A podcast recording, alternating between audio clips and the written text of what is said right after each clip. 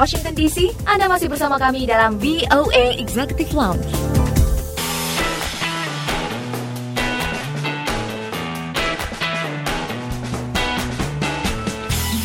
Anda masih menyimak VOA Executive Lounge bersama saya Dania Iman dari VOA di Washington DC. Ada informasi menarik, langsung aja kita simak bersama Irfan Isan. Belum lama ini, di kota Philadelphia, negara bagian Pennsylvania, ada sebuah acara penggalangan dana yang diadakan oleh Philadelphia Folklore Project menampilkan tarian Bali dari kelompok tari Modero Dance Company dan pertunjukan gamelan dari kelompok gamelan Bali Kita Santi yang baru didirikan bulan Oktober tahun 2019.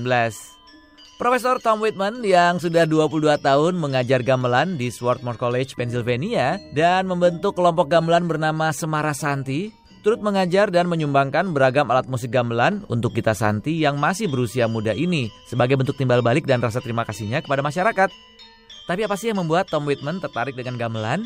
Um, suara gamelan bagus sekali dan juga ada um, merasa komunitas dari gamelan uh, ada kalau ada banyak orang yang main musik bersama ada hati khusus di gamelan um, we share the experience Selain Tom, beberapa murid Tom di Swarthmore College juga membantu pertunjukan kita Santi ini, di antaranya Brian dan Aubrey.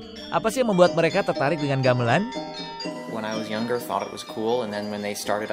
Ketika saya masih remaja, saya melihat gamelan sepertinya menarik. Dan ketika mereka membentuk kelompok komunitas gamelan, saya mencobanya. Ternyata memang menyenangkan.